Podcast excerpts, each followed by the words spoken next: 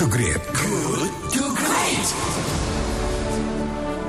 Sahabat kalian terima kasih Anda masih bersama kami di sesi diskusi Good to Great because good is the enemy of great dan kita berada di sesi diskusi sesi kedua masih membahas uh, tema tentang menelaah kebijakan pemerintah perihal mudik bagaimana mengantisipasi dampak eskalasinya bagi penularan COVID-19 dan sudah terhubung di ujung telepon dengan narasumber berikutnya itu Dr. Haji Deden Ramdan MSI CICP DBA. Beliau adalah pengamat kebijakan publik dari Universitas Pasundan, Bandung. Assalamualaikum warahmatullahi wabarakatuh, Dok. Waalaikumsalam Sampurasun Kang Sampurasun. Rampes. Bagaimana kabar Anda? Alhamdulillah meskipun lockdown ya, tapi tetap bekerja dari rumah terus Oh, berjalannya Kangnya. Tetap produktif ya? Insya Allah ya, bahkan Allah. harus lebih produktif ya. Oh iya, setuju, setuju, karena setuju. Di era digital seperti ini kan bekerja itu tidak bisa bisa, bisa jadi tidak fisik ya Kang ya. Iya, betul, Nah, persis. ya, betul. Pak Pak Deden, ini kan kebijakan PSBB sudah ditetapkan pemerintah tanpa larangan mudik ya, dianggap sebagai sikap mendua. Anda melihatnya bagaimana? Iya. Di satu sisi kita bisa paham ya Kang ya, Hmm. karena eh, jelas ini pilihan yang sangat sulit gitu dari pemerintah. Ya, Kalau PSBB itu lockdown total itu kan ada beberapa hal yang harus menjadi kriteria ya Kang ya. Mhm. Ya satu misalnya eh, apa masyarakat tertib dan disiplin tu- tunduk taat patuh kepada aturan bersama untuk kepentingan bersama.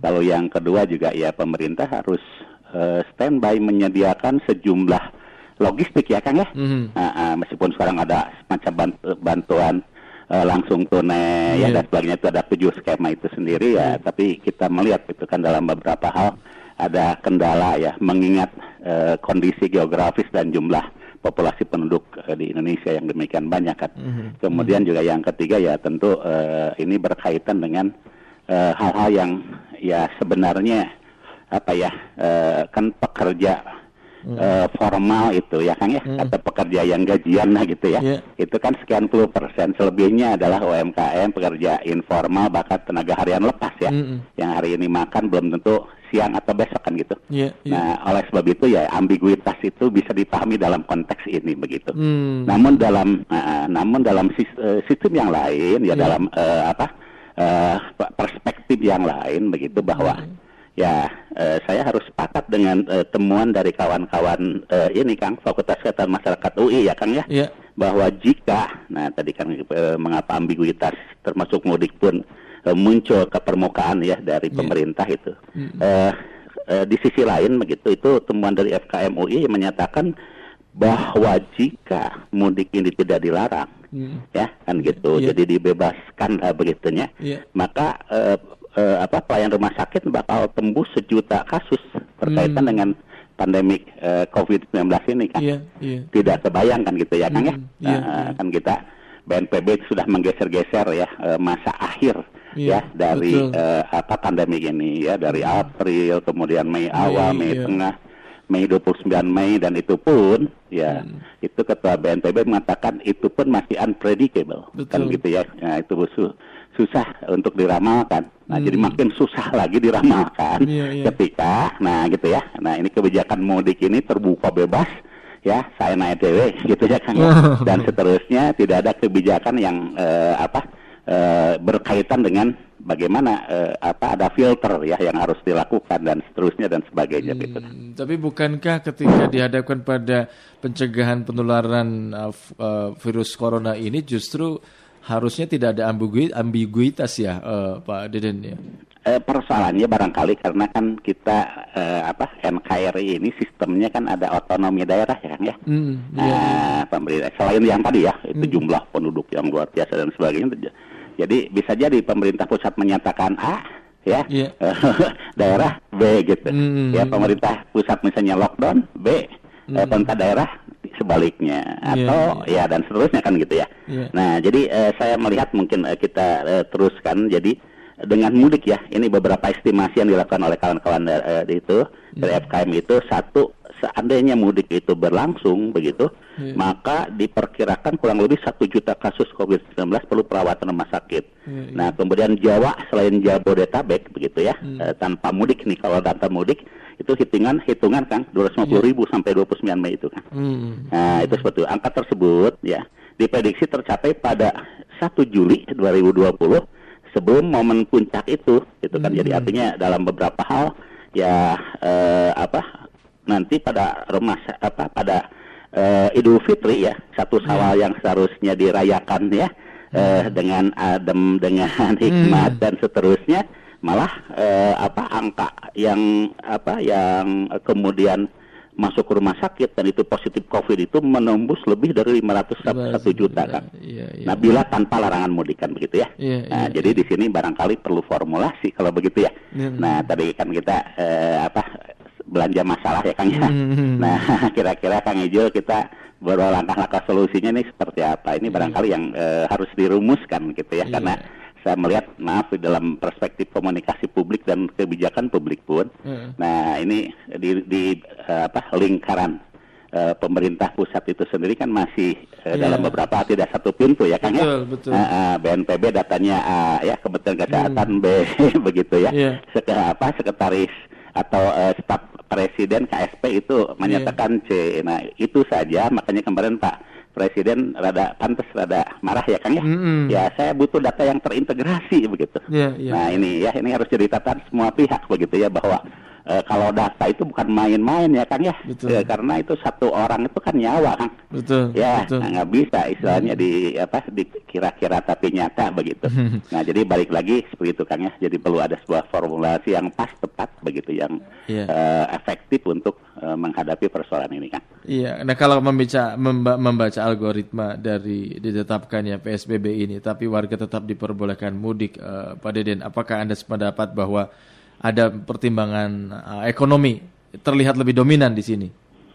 Eh, ya itu dia begitu ya. Di sini ya saya katakan tadi ya tidak satu pintunya itu Kementerian Kesehatan, jubir pemerintah untuk COVID-19 ini Kang ya, ada yang iya. khusus. Kemudian juga BNPB dan sebagainya lah. Eh, sat- eh, satu sisi dia berbicara dalam perspektif eh, bahaya eh, apa eh, pandemi ini bisa terus masif begitu ya jika tidak eh, dilarang mudik ya. Tapi Iya. di sisi lain barangkali mungkin ada pernyataan dari Pak Menteri Perhubungan ad interim lah gitu ya, Hmm. Pak Luhut Panjaitan menyatakan bahwa ya tidak dilarang sebenarnya asal diatur sedemikian rupa. Nah ini kan persoalan pengaturnya seperti apa? Hmm. Karena eh, ini dua hal yang sekali lagi semalakama ya Kang ya. Betul. Nah kan begitu karena kita melihat nih saya punya kawan dia eh, apa usahanya eh, UMKM ya Kang ya. Iya. Nah, dia eh, di Jakarta, di Bekasi dan di eh, Bo- Bodetabek lah. Eh, ketika dagangnya tidak laku, kemudian sebagian buruh informal itu diberhentikan ya Kang ya. Iya. Nah, dan seterusnya, dia pasti balik lagi ke eh, kampung halamannya ya Kang ya. Betul. Ya karena kalau Jakarta ngapain gitu ya, Hmm. Nah, dia nggak punya uang dan seterusnya, waduh luar biasa kan begitu. Nah situasi seperti ini juga kan eh, ya harus jadi catatan memang kata Pak Menteri Perhubungan ad interim ini. Nah tapi dalam sisi yang lain ini seperti apa kan gitu. Jadi saya pikir sampai hari ini juga eh, kelihatannya ya sambil berjalan barangkali kebijakan ini berlangsung ya, meskipun kalau dalam pemberitaan-pemberitaan dari eh, media asing yang menyatakan bahwa Indonesia menuju lockdown begitu kan ya. Ah. Nah, kan begitu. Jadi kalau di sana kan tidak ada hapsok lockdown ya, Ah. ada PSBB terbatas dan sebagainya. Iya. Eh, di sana itu strict to the point ya. Lockdown atau ya tidak? lockdown gitu ya. Ah, Iya. begitu ya. Jadi kita mungkin bisa paham karena kita negara archipelago ya, Mm-mm. jumlah penduduknya banyak ya dan seterusnya dengan karakter-karakter yang Mm. berbeda ya Kang ya. Betul. Bahkan ada yang maaf itu kan tidak sedikit yang menolak ya Mm. Untuk eh, apa menguburkan jenazah ya. Kemudian juga ada yang ya eh, kami maaf ya mungkin saya harus sampaikan juga nih kepada eh, saudara-saudara kita ya. Saya lebih takut kepada Allah ketimbang kepada eh, Hmm. corona gitu Iya, ya. iya, nah, iya. ini kan sebuah pernyataan yang menurut saya maaf maaf maaf ini terbelinger ya. Nah, Hmm. j- jadi ada hal-hal yang kita harus luruskan ya ini literasi society memang harus dibangun. Iya. Tapi paling tidak hari ini yang harus dilakukan ini seperti apa? Ini yang saya pikir ini eh, perlu ada beberapa hal yang harus dilakukan secara formulatif itu kan. Ya, yang terakhir Pak Deden terkait ini kan kita ketahui Jakarta jadi epicentrum penularan virus corona. Mm-hmm. Daerah pertama yang diterapkan PSBB, kemudian menyusul lima daerah di Jawa Barat. Nah, bagaimana Anda melihatnya? Perlu nggak ini PSBB juga dilakukan uh, diajukan ya daerah-daerah lain yang memiliki kasus cukup signifikan ini? Iya teorinya barangkali teori sentrifugal ke sentripeta ya kan ya. Yeah. Nah, jadi teori kalau apa kalau kita makan bubur ayam gitu ya Mm-mm. dari pinggir dulu ya, Pinggiran. supaya nggak panas ya kan ya. Mm-mm. Nah, jadi ya harus seperti itu. Jadi istilahnya bertingkat berjenjang secara evolutif kan. Ya Mm. sebab kalau di strike ya. Itu tadi misalnya oh, lockdown ya PSBB sepenuhnya. Mm. kesiapannya gimana ya? Masyarakat kan perlu makan ya kan ya? Betul. dia beker, perlu keluar. Keluar itu Iya. terpaksa. Kalau nggak keluar dia nggak nggak bekerja. Nggak bekerja nggak mendapatkan uang dan sebagainya. Hmm. nah kalau yang terbatas ya seperti kalau di Bandung ini kan jalan-jalan protokol tentu ditutup ya Hmm. kan ya? Nah, sambil bertahap dan seperti itu.